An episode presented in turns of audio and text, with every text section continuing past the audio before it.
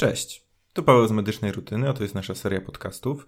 Dzisiejszy odcinek będzie dydaktyczny, będę w nim opowiadał o osłuchiwaniu płuc i postaram się przybliżyć Wam wszystkie szmery oddechowe. Zapraszam.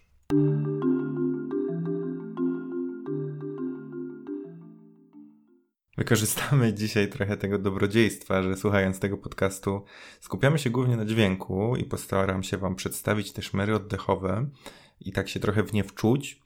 No i oprócz tego, że Wam je przedstawię, bo usłyszeć każdy może, to żeby tak troszeczkę zrozumieć, dlaczego one powstają, kiedy one powstają, kiedy powinniśmy się martwić, co jest fizjologią, bo też to osłuchiwanie płuc jest bardzo ważne. To jest takie część podstawowego pierwszego badania.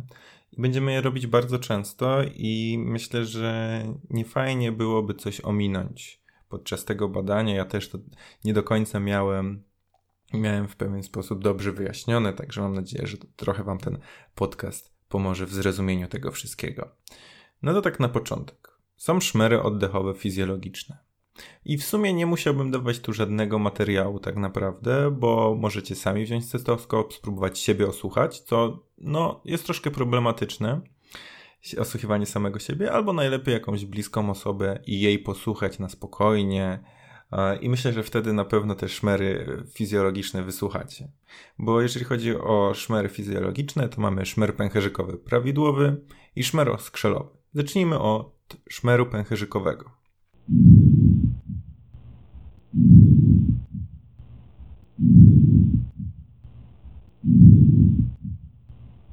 Jest to szmer słyszalny w czasie wdechu oraz w początkowej fazie wydechu, związany z turbulentnym przepływem powietrza przez oskrzela opłatowe i segmentowe. No to już wiecie skąd on się bierze. No i skoro jest on prawidłowy w pewnych przypadkach, można też podejrzewać, że w pewnych przypadkach będzie nieprawidłowy. No tak, jego ściszenie może być związane z upośledzeniem drożności płuc, czyli to powietrze nie do końca może się tam w te oskrzela, oskrzeliki zagłębiać, na przykład przy obecności guza, przy rozedmie i przy ciężkiej astmie. Często jednym z objawów zagrażającym życiu ataku astmy jest tak zwana cicha klatka piersiowa. Ponadto to już jest raczej takie oczywiste, że obecność powietrza, płynu w jamie opłucnowej sprawia, że przenoszenie tych wszystkich właściwie szmerów ale tego także, tego fizjologicznego, jest ściszone, bo jest jakaś bariera, która zapobiega przeniknięciu aż do, e, aż do naszego stetoskopu tych dźwięków. Następny fizjologiczny szmer to jest szmer oskrzelowy. I tutaj muszę się przyznać, jestem na szóstym roku, a nadal nie do końca jestem w stanie to odróżnić. Tak jak szmer pęcherzykowy prawidłowy był słyszalny w czasie wdechu oraz w początkowej fazie wydechu, Szmer oskrzelowy słychać w czasie wdechu i w czasie wydechu, z przerwą po środku. No i prawidłowo jest on słyszalny tylko nad tchawicą lub dużymi oskrzelami. I tutaj jest różnica z tym pęcherzykowym prawidłowym. I to, co ja Wam polecam, bo też nie mam jakby osobnego, osobnego materiału dźwiękowego do tego szmeru, weźcie bliską osobę, weźcie, przyłóżcie słuchawkę do niej. Najpierw e, na okolice właśnie tchawicy, dużych oskrzeli. Spróbujcie się jakby wczuć w to, bo ja tak zrobiłem i ja dzięki temu zrozumiałem tą różnicę. I potem w inne miejsce i spróbujcie właśnie znaleźć tą różnicę, która jest pomiędzy tymi szmerami, bo to się Wam później przyda. Co do szmeru oskrzelowego wracając, mm, mówimy o patologii wtedy, gdy szmer oskrzelowy jest słyszalny nad obwodowymi częściami płuc, czyli tam, gdzie go teoretycznie nie powinno być. Może tak być w przypadku różnego rodzaju zagęszczeń, które lepiej przewodzą dźwięk z oskrzeli. No możemy sobie zauważyć, że oskrzela są w środku, no żeby na obwód przenieść ten dźwięk, to faktycznie musi coś z tym dźwiękiem rezonować, tak? Coś twardszego niż, niż miąższ płuc. No i tak jest na przykład w przypadkach nowotworów, w przypadku włóknienia, w przypadku krwotoków. Wtedy ten dźwięk jest lepiej słyszalny i, i ten szmer oskrzelowy słychać także na obwodzie tych płuc.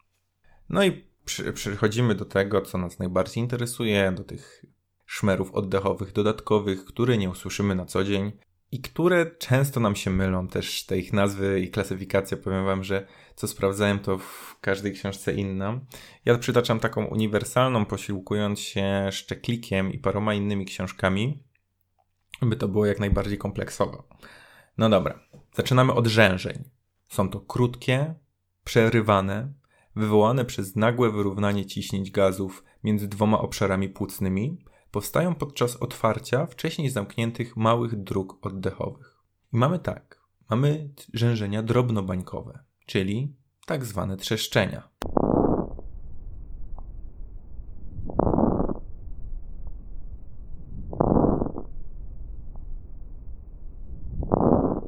Mają wyższą częstotliwość. Według niektórych przypominają odgłosy drewna palącego się w kominku, a ich przyczyny to zapalenie płuc, obrzęk płuc, włóknienie płuc. U zdrowych ludzi takie trzeszczenia można wysłuchać e, u podstawy płuc. Mi na przykład pulmono- na pulmonologii mówili, że jeżeli szukamy trzeszczeń, to właśnie u podstawy płuc będą najlepiej słyszalne, najczęściej je tam wykryjemy i często występują też u podstawy płuc upalaczy. I mamy rzężenia grubomańkowe.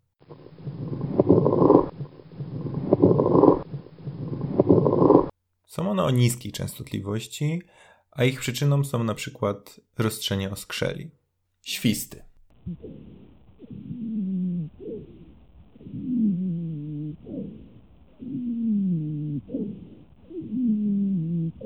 Dźwięczne szmery o charakterze ciągłym. Mają wysoką częstotliwość, charakter syczący, świszczący i powstają wskutek turbulentnego przepływu powietrza przez zwężone drogi oddechowe.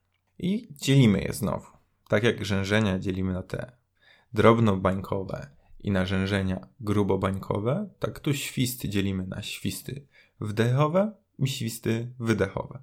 No, na samą logikę, tak? Jak wdychamy, wtedy jest świst wdechowy, a jak wydychamy powietrze i wtedy się pojawia ten, ten szmer, to jest to świst wydechowy.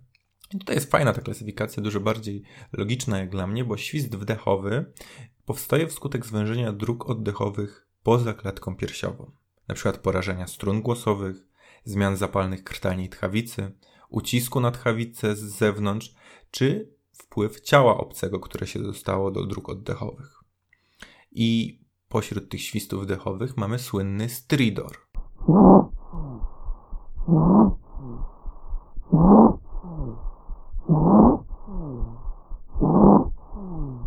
Szczególny głośny ton o stałej częstotliwości, wskazujący na obturację krtani lub tchawicy lub w dysfunkcji fałdów głosowych. No ten stridor często jest przytaczany. Znalazłem taką informację, że tak naprawdę, żeby wysłyszeć stridor prawidłowo, to nawet nie potrzebujemy stetoskopu i będzie on lepiej słyszalny, jeżeli po prostu zbliżymy ucho w kierunku chorego jakby szyi chorego, no i wtedy ten stridor będzie, będzie dobrze słyszalny. Natomiast jeżeli chodzi o świsty wydechowe, no to to jest to zwężenie dróg oddechowych, które leżą wewnątrz klatki piersiowej i przyczyny jego to na przykład astma, POHP, zachłyśnięcie treścią pokarmową, a czasami niewydolność serca czy zatorowość płucna. Mamy też furczenia.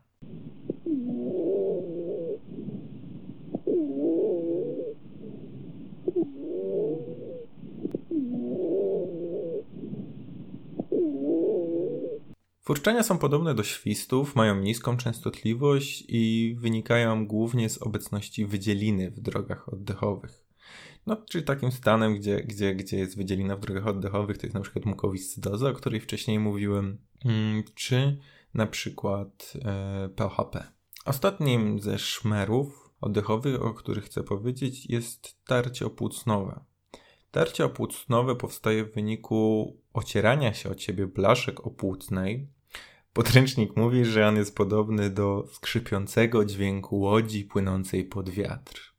Brzmi to jak jakiś początek haiku czy innego wiersza.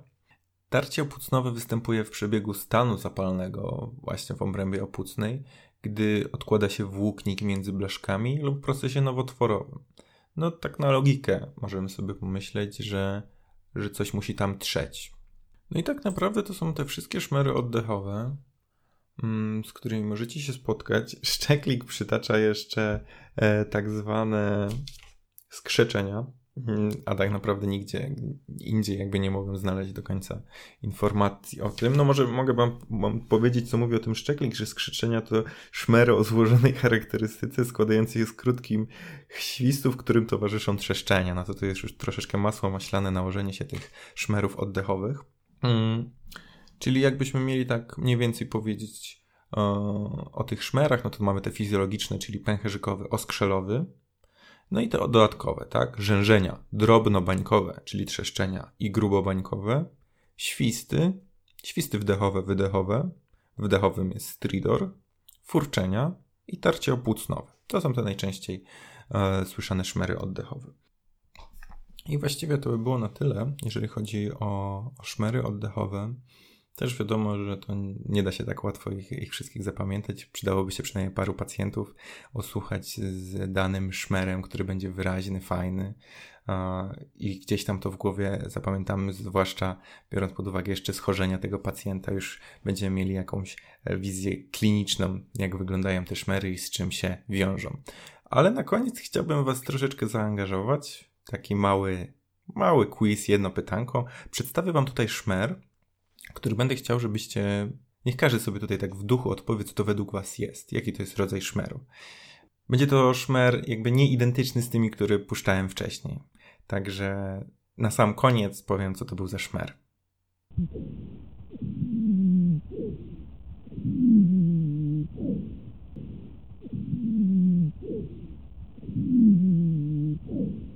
Były to świsty, mam nadzieję, że dobrze odgadliście i że podobał Wam się ten odcinek. Też mi się wydaje, że taka forma krótszych, może takich bardziej praktycznych rzeczy lepiej przypadnie wszystkim do gustu. Bo chyba to jest najważniejsze, a nie takie, wiecie, wkuwanie tych różnych dziwnych rzeczy do egzaminu, a w, potem w normalnym życiu nie wiemy, czy to trzeszczenie, czy rzężenie, czy w ogóle coś jest temu pacjentowi. Także mam nadzieję, że się podobało. Trzymajcie się. Pa.